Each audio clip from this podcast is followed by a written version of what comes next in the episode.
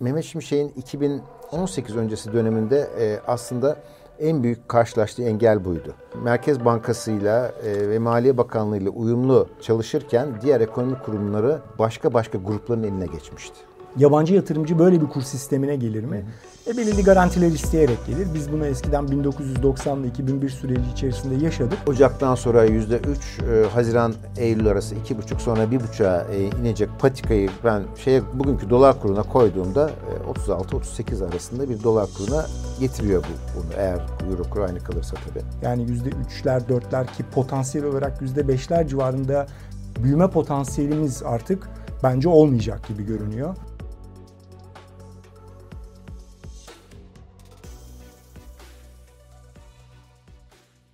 Mesele Ekonomi Programı'nın değerli izleyicileri Pusula'nın 7. E, programıyla Kerim Rota ile birlikte sizlerle yeniden karşı karşıyayız. Bugün gündemimizde farklı farklı konular var. E, onları işleyeceğiz. E, geçtiğimiz hafta ekonomi gündeminde çok önemli bir, Türkiye'yi çok önemli şekilde etkileyecek bir olay olmadı. Nispeten sakin bir haftayı yaşadık ama aslında ileriye baktığımız zaman biraz daha uzun vadeli düşündüğümüz zaman bunların konuşuluyor olması lazım diye düşündüğümüz e, birkaç konu başlığıyla sizlerle birlikte olacağız. Ben öncelikle Kerim'e enflasyon beklentileriyle ilgili düşüncelerini sormak istiyorum. Enflasyon beklenti anketi bu konuyu e, sürekli olarak gündeme getiriyoruz. Zira sağlıklı olup olmadığı konusunda da aslında soru işaretleri var kafamızda. Ne düşünüyorsun Kerim? Teşekkürler Ömer. Ya bir kere enflasyon beklenti anketinde önümüzdeki bir yıl beklentisinin düşmüş olması bana bir şey ifade etmiyor. Aslında bunu Mehmet Şimşek işte bakın düştü şeklinde bir paylaşım oldu ama 2024 sonu beklentisi hafif yükseldi. Ama bence en önemlisi 2025 sonu beklentisi Merkez Bankası'nın e, hedefi olan %14'ten hala çok çok uzakta. Bu da orta vadeli itibar açığının devam ettiğini gösteriyor. Bu sene e, sonunda işte 42-43 düzeyinde beklen, bekleniyor enflasyon anketi piyasa katılımcıları e, tarafından. Benim beklentim de 45-47 civarında bir yerde olacağı yönünde. Ama 36 e, Merkez Bankası'nın hedefi olduğuna göre hadi belirsizlik aralığını da koyalım 40 civarı diye düşünelim. Hala önemli bir itibar açığı var. Bu 7-8 puanlık itibar açının çok daha fazlası 2025 sonunda. Yani oradaki itibar açı 10 puanın hala çok üzerinde. Bence Merkez Bankası açısından da en önemli aslında mesele 2024'ün sonuna geldiğimizde yani Eylül-Ekim ayına geldiğimizde hadi artık faizleri indirelim noktasına geldiğinde Merkez Bankası 2025 sonu 14'ü nasıl tutturacağı sorusu ortaya e, konmuş olacak. Yani 40'lara düşmüş bir enflasyon faizi indirmek için iyi bir sinyal verebilir Merkez Bankası'na. Ama 14'e nasıl indireceği sorusu kocaman ortada duruyor olacak. Bu sene Eylül-Ekim gibi.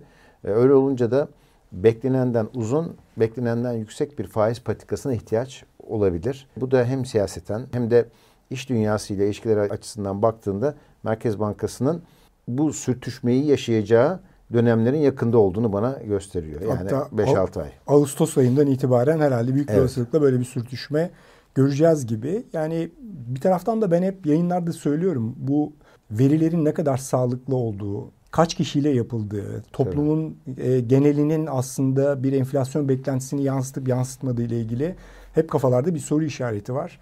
E, belirlenmiş olan 80'di sonra 40'a indirildi. Piyasa katılımcıları anketi diye geçiyor zaten evet. bu. Piyasanın dışında olanlar en azından bu e, enflasyonu iliklerine kadar hissedenler e, bu konuda bir söz hakkına sahip değil mi diye düşünüyorum Hı. ben. Yani sokaktaki vatandaşa, memura, Hı. işçiye, sivil toplum kuruluşlarına bunların hepsine aslında soruluyor olması lazım bir taraftan da. Daha önceki yayınlarda çok teknik bir e, açıklama Hı. yapmıştım. Ben demiştim ki heteroskadastisitesi çok evet. yüksek aynı zamanda endojenliği çok yüksek diye. Yani aslında e, bu 80 kişi ki buraya katılan 58 tane katılımcı oluyor. O 58 katılımcının ortalamalarını görüyoruz biz. E, bu rakamlar büyük olmadığı sürece de enflasyon beklentileri anketinin bana vermiş olduğu izlenim bir önceki dönemde ne ise veya yönlendirme ne ise biraz da böyle davranışsal ekonomi ve davranışsal finans tarafına doğru hı hı. kayıp bir yerlere benchmark yapıp o benchmarklar vasıtasıyla bir yerlerde beklenti belirleme gibi bir süreçti.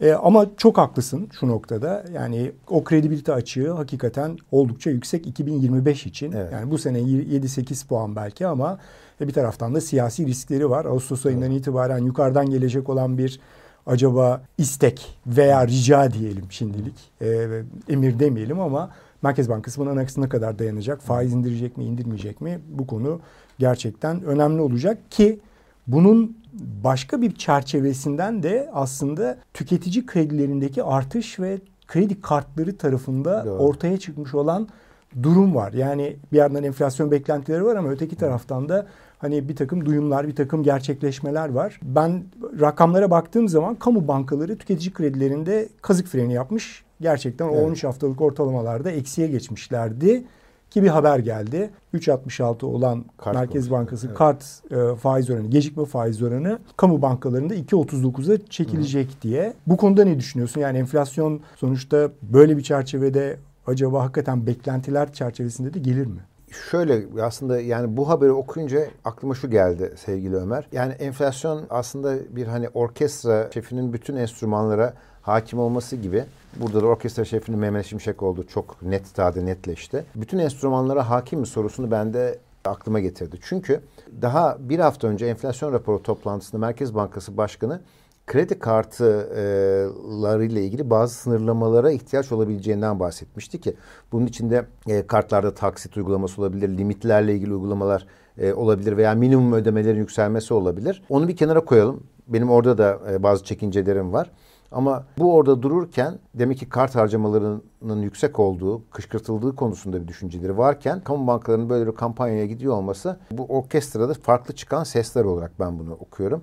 Mehmet Şimşek'in 2018 öncesi döneminde e, aslında en büyük karşılaştığı engel buydu. Merkez Bankası ile ve Maliye Bakanlığı ile uyumlu çalışırken diğer ekonomi kurumları başka başka grupların eline geçmişti. Tabiri net Doğru. bir şekilde ortaya koyalım. Ve bundan dolayıdır da Bundan dolayı da oldukça büyük sıkıntı e, çekmişti. Şimdi aynı riskin oluşmaması için bence e, orkestra şefine çok iş düşüyor. Şimdi kart komisyonları e, veya kartta bir sınırlanma yapılmalı mı? Hem evet hem hayır diyorum buna. Çünkü şöyle görüyorum yani kart birçok özellikle düşük limitli kart sahipleri için hayatını sürdürmenin bir aracı haline gelmiş vaziyette. Bazı kişiler içinse tamamen ödeme kolaylığı halinde e, kullanılıyor. Gelir dağılımının ve servet dağılımının bu kadar bozuk olduğu bir e, ülkede kart işine bence tek bir bakışla yaklaşmak çok yanlış olur diye düşünüyorum. Bakın restoran harcamaları diye bir şey var kart. Yani şimdi tavuk döner satan da restoran harcamalarının içerisinde kendine yer buluyor. Evet. Michelin e, yıldızlı restoran da burada yer buluyor. Şimdi bu ikisinde aynı şekilde uygulamaları yaparsanız kimin zarar göreceği çok açık en aşağıdaki. O yüzden İş Bankası Genel Müdürü Hakan işte düşük limitli kartlarda daha e, farklı bakılması lazım sözüne yüzde yüz katılıyorum. E, ama kartlara bu kadar odaklanırken de e, faiz politikasının etkinliğini gözden kaçırmayalım. Faiz politikamız acaba yüzde yüz etkin mi ki karta geçtik diye de bir soru işareti e, var arkada. O yüzden burada bu dengede, bu hassas dengelere çok dikkat edilmesi lazım diye düşünüyorum. Çok doğru. Yani bir taraftan da Merkez Bankası Başkan Yardımcısı Cevdet Akçay'ın toplantının sonlarına doğru söylemiş olduğu daha henüz normalleşme e, aşamasına gelmedik. Yani bir takım e, bağları kurmadık. O bağlar kurulmamışken 45 faizi hakikaten yeter mi? 36 hedefi gerçekten gerçekleştirilebilir evet. mi gibi soruları daha havadayken bir de arka planda hani tüketici tarafında özellikle kart tarafında Hı. ki ben şuna da bakıyorum arka tarafta taksitlendirilmeden direkt olarak ödenmeyip Hı hı. Tekrardan kredilendirilen, ödenmemiş kredi bakiyeleri, hı. tüketici daha doğrusu kredi kartı bakiyeleri geçtiğimiz yıl itibariyle bugüne baktığımız zaman yüzde 183 oranında hala artış gösteriyor. Evet, faizler nereden nereye geldi? Ve faizler nereden nereye geldi? Yani burada bir ödeyememe gibi bir problem var. Doğru. Buradaki kredi kartlarında özellikle sorunlu kredilere bakmak, sorunlu kredilerin artışına bakmak lazım. İki, bir taraftan da e, zaten 3.66, e, öbür tarafta aylık enflasyon %6.7 geliyor. Evet. E, bir sonraki dönemde de %5, 5.5 gelir. E, zaten ortalama %3 civarında bir enflasyon gelecekse eğer e, kredi kartı bakiyesini ödemeden de ben istediğim şeyi alayım hatta talebimi öne çekeyim daha da fazla harcayayım. Kredi Bu kartı bu devam ediyor. Bunun devam ettiği bir ortamda da enflasyonla ne kadar mücadele olur? E, benim açıkçası kafamda büyük bir soru işareti. Hı. Zira e, bunlar gerçekleşirken biz başka bir takım şeyleri de kaçırıyoruz. Hani kaçırdığımız en önemli şeylerden bir tanesi şu. Demin programın başında girişte söylediğim gibi uzun vadeli bakış açısını ve perspektifini biliyorsun TÜİK'in nüfusla ilgili bir takım verileri açıklandı evet. ve bu veriler oldukça önemli. Geleceğe bakış açısından da Türkiye'de hem gayri safi milli hasılanın büyümesi hem aynı zamanda demografik yapının nereye evrildiği gibi bir takım şeyler. Bu, bununla ilgili bir yazı yazmıştın sen. Ben evet. e, çok zevk alarak okuduğum yazılardan bir tanesi. Zira 1990'lı yıllarda kariyerine başlamış bir insan olarak e, senin yazındaki o karakterlerle karşılaştırdığım evet. zaman çok ilginç şeyler oluyordu. O yazından başlayalım istersen bu konudaki görüşlerini. Teşekkürler. Yani tabii TÜİK'in nüfus istatistiklerinde en çok dikkati e, çeken demografik dağılımımızdaki e, hızlı bozulma diyebilirim. Benim yazımın ismi Armağan Apartmanı'ydı. Ee, ismini de tabii şuradan ilham almıştım. Aslında demografik armağan dönemi diye adlandırılan bir dönem içinde Türkiye. Bu da böyle 1980 ile işte 2025 arasındaki dönemi kapsıyor. Sevgili Oğuz Işık hocamızın e, ODTÜ'den Eşitsizlikler kitabı diye bir kitap var. Vakti olanların, ilgisi olanların bunu okumasını ben çok tavsiye ederim. Burada bunu çok net bir şekilde ortaya koyuyor. 1980'de ortalama medyan yaşımız 20'lerdeyken, 21-22'lerdeyken e, şimdi 33-34'e e, gelmiş durumdayız. Yani biz yaklaşık 40 senede 11-12 yaş yaşlanan bir toplum olduk. İngiltere, Fransa gibi bundan 100-150 yıl önce medyan yaşı 20'lerde olan e, ülkeler bu dönemi 80-100 senede geçirdiler. Bizim bunu çok daha hızlı geçirmemizin tabii ki sebepleri var, nedenleri var. Bunlardan en önemlisi tabii ki sağlık hizmetlerinin çok e, hızlı bir e, şekilde e, gelişmesi. Ama nüfus artış hızının yavaşlaması, doğum kontrolü bu gibi konularda çok etkin oluyor. Demografik armağan döneminde yaşayan ülkelerde, dönemini yaşayan ülkelerde hiçbir şey yapmasanız da %3-4 büyüyorsunuz. Yani siyasilerin sadece e, sizi yolunuzdan geri çevirmemesi gerekiyor. Doğru. E, biz o dönemi artık bitirmek üzereyiz. Bundan sonra bizim bu yüzde üçü dördü potansiyel büyüme diye adlandırdığımız üçü dördü yakalayabilmemiz için ekstra bir şeyler yapıyor olmamız lazım. Nicelikten çok niteliğe önem veriyor olmamız lazım. Maalesef ben bu dönemi çok kötü geçirdiğimizi görüyorum. Yani mesela Türkiye'nin bu kadar çok üniversite açması, bu kadar çok e, okullaşma oranının artması için doğru bir zaman mıydı? Bu hep soru işareti. Çok doğru. Şimdi zaten işsiz üniversiteleri görünce bu e, karşımıza bu sorun da e, net bir şekilde ortaya çıkıyor. Yani çocuk sayısı artık sabit bir hale gelirken okulları mı arttırmamız lazım? Hastaneleri mi arttırmamız lazım? Yoksa nitelikli eğitim kurumları mı?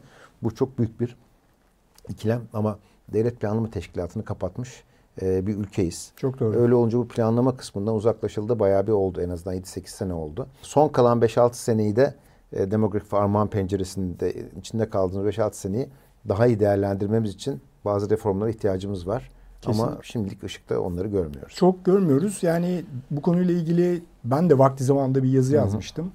Ee, yazının başlığı da gerçek lider bir sonraki seçimi değil bir sonraki nesili düşünendir Doğru. diye. Ya bu şey içerisinde aslında Türkiye'nin 2005 yılında girdiği bağımlılık oranının %50'inin altına gelmesi ki bağımlılık oranı şu demek 15-65 yaş arasındaki nüfusun, üretken nüfusun 0-14 ve evet. 65 yaş üzerindeki nüfusa baktığı oran 2005 yılından itibaren bir fırsat penceresi vardı. Hatta Sevgili Ozan Gündoğdu'nun hafta sonu e, bununla ilgili podcast'ini dinledim. Gerçekten çok faydalı bir podcast. İzleyicilere de öneririm Hı. onun bir kere daha dinlenmesi konusunu.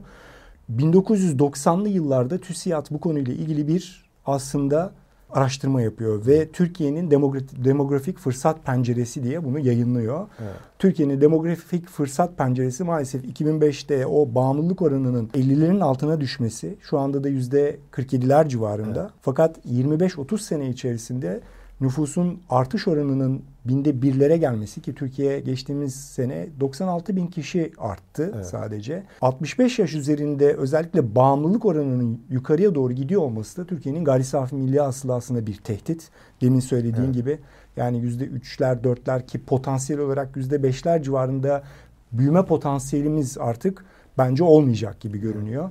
Orada da çıktı açığı, enflasyon evet. ve bunun gibi şeyleri de oturup düşünmek lazım. Bir takım riskler bizi bekliyor. Bir takım tehlikeler bizi bekliyor özellikle. Bu konuyla ilgili akademisyenler, siyasiler oturup kafa kafaya verip çalışmamız lazım. Bir şekilde bunu kaldırmak lazım. Ortadan bu soru işaretlerini kaldırmak lazım ama e, gidişat pek de onu göstermiyor. Zira Türkiye yine kısa vadeye e, fokus olmuş durumda. 30 bin Mart sonrasında kur sıçrar mı sıçramaz mı evet. gider mi gitmez mi yine. Bu konuda sen ne düşünüyorsun? Ben artık hani bu tartışmalardan evet. biraz şey yapıyorum ama. E, gitmez çünkü yani Merkez Bankası'nın kontrol alanı kur üzerinde çok genişledi. Aralık ayında eğer piyasayı kendi haline bıraksa dövizin düşeceği bir piyasa vardı. Ocak ayında da tam tersi kendi haline bıraksa dövizin çok daha yukarı gideceği bir piyasa e, vardı. Ama özellikle son yapılan zorunlu karşılık düzenlemeleriyle ve faiz düzenlemeleriyle e, artık Merkez Bankası'nın bu dar alanda kısa paslaşmalar dediğimiz belli bir bant içerisinde yani bir merdiven usulü e, çıkarken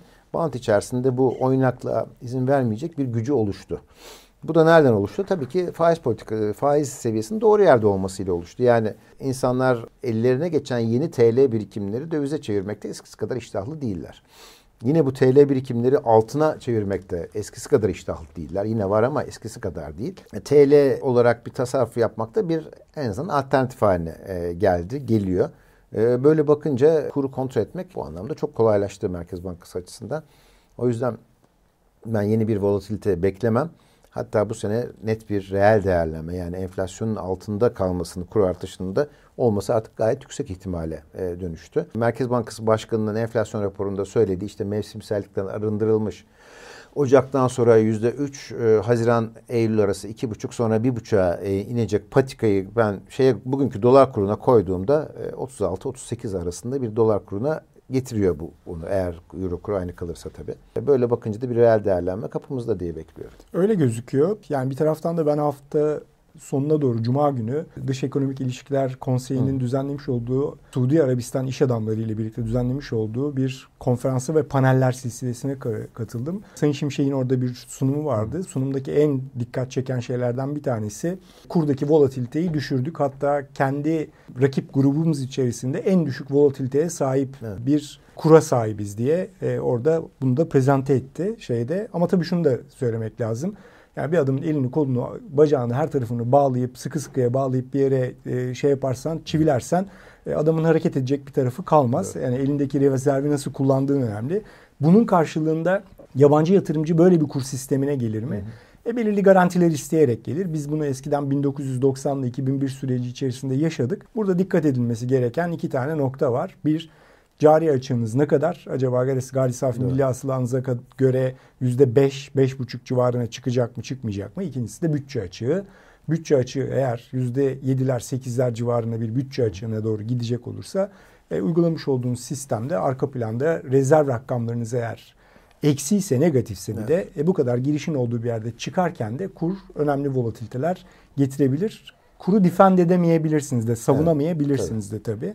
Ama ben de 31 Mart sonrasında Türk, e, Türkiye Cumhuriyet Merkez Bankası'nın en azından enflasyonu da kontrol altına alabilmek, çıpalayabilmek, o evet. şey yapabilmek açısından böyle bir sıçrama olma ihtimalini oldukça düşük görüyorum. Çok çok düşük görüyorum. O yüzden e, büyük bir olasılıkla 31 Mart seçimleri sonrasındaki seçimlerin sonrasındaki siyasi tablo nasıl olacak? İstanbul Hı. seçimi Hı. kim tarafından kazanılacak ona da bağlı demekte fayda var Doğru. aslında. O konuda da çünkü ciddi çekişmeler oluyor. İstersen buradan kısaca bir global piyasaları da Hı. şey yapıp üzerinden geçip programı yavaş yavaş kapatalım. Tamam. Ya tabii global piyasalarda eninde sonunda dönüp işte FED ve e, piyasanın e, Fed'in e, ne yapmasına yönelik beklentilerinden başka konuşacak bir şey kalmıyor. Çünkü bütün dünyadaki aslında finans piyasalarına yön veren de bu oluyor. Görünen o ki piyasa katılımcıları, oradaki piyasa katılımcıları Fed'in biraz daha geç faizleri indirmesi konusunda ikna olmaya başladı. Ama yine de Fed'in içinden gelen mesajlarla onlar arasında hala bir 4-5 aylık fark olduğunu e, görüyorum. Ama ben yine de hani Fed'in bu sene böyle Temmuz, Eylül, Temmuz'dan sonraki dönemde az da olsa faiz indirimlerine başlayacağını düşünenlerdenim. Piyasada artık beklentilerini buraya yavaş yavaş taşıdı zaten. Önce bir Mart vardı biliyorsun. O Martlar Doğru. artık pek ortada kalmadı. Yüzde Ama bire düştü hatta evet. galiba beklenti. Ama e, şunu da ortaya koymak lazım. Yani sonuçta beklentileri iyi yönetebilen bir e, Fed var. Bu da hem hisse senedi piyasalarını hem tahvil piyasalarını oynaklıktan çok uzaklaştırabiliyor. Bizde de oynaklık çok az ama biz onun için bazı tavizler veriyoruz. Yani faizi 45'te tutmak ve rezerv satmak durumundayız veya rezerv almak Doğru. durumundayız. Orada politikalarla yani iletişim politikalarıyla özür dilerim yapabiliyor haldeler. Ee, öyle olunca ben e, bu sene e, global piyasalar açısından bir hani siyasi şok gelmezse kazasız belasız bir yıl olacağını düşünüyorum. Evet yani o siyasi şok acaba Amerikan seçimleriyle mi gelir? Hı. Amerikan seçimlerinde nasıl bir tablo ortaya çıkar? E, oraya gelirken Fed faiz indirirken e, borsaların ve faizin buna tepkisi Hı. nasıl olur? Açıkçası ben de çok merak ederek şey yapıyorum izliyorum yakından. Zira bir tarafta Trump en son 355 milyon dolar civarında bir evet. cezaya çarptırıldı ve hakkında bir sürü dava var. Fakat Amerika'da nedense bilmiyorum sevilen bir e, evet. başkan adayı. E, diğer tarafta yaşlılığı dolayısıyla önemli gaflar yapan e, fakat hani Amerika'yı bir şekliyle yeniden 4 sene e, yönetmeye aday başka bir başkan. Evet. Arka taraftan bir türlü siyasi tarafta e, yeni yeni yüzler, yeni yeni e, genç dimalar gelmiyor diye de açıkçası e, üzülüyorum. O yüzden e, global piyasalar açısından e, demin söylediğinde çok haklısın. Sonuçta piyasalar Fed'in söylediği yere hatta belki biraz daha ötesine daha da az faiz indirimine gelmiş gibi görünüyorlar. Evet. İşte kredibilite dediğimiz, iletişim dediğimiz ortaya çıkan rakamlarla e, piyasalara yön verme dediğimiz şey bu. Umuyorum bizde de bunlar İnşallah. olur. E, istersen programımızı bu haftalık Tabii. kapatalım ki hafta sonra tekrardan buluşmak üzere. Çok teşekkürler.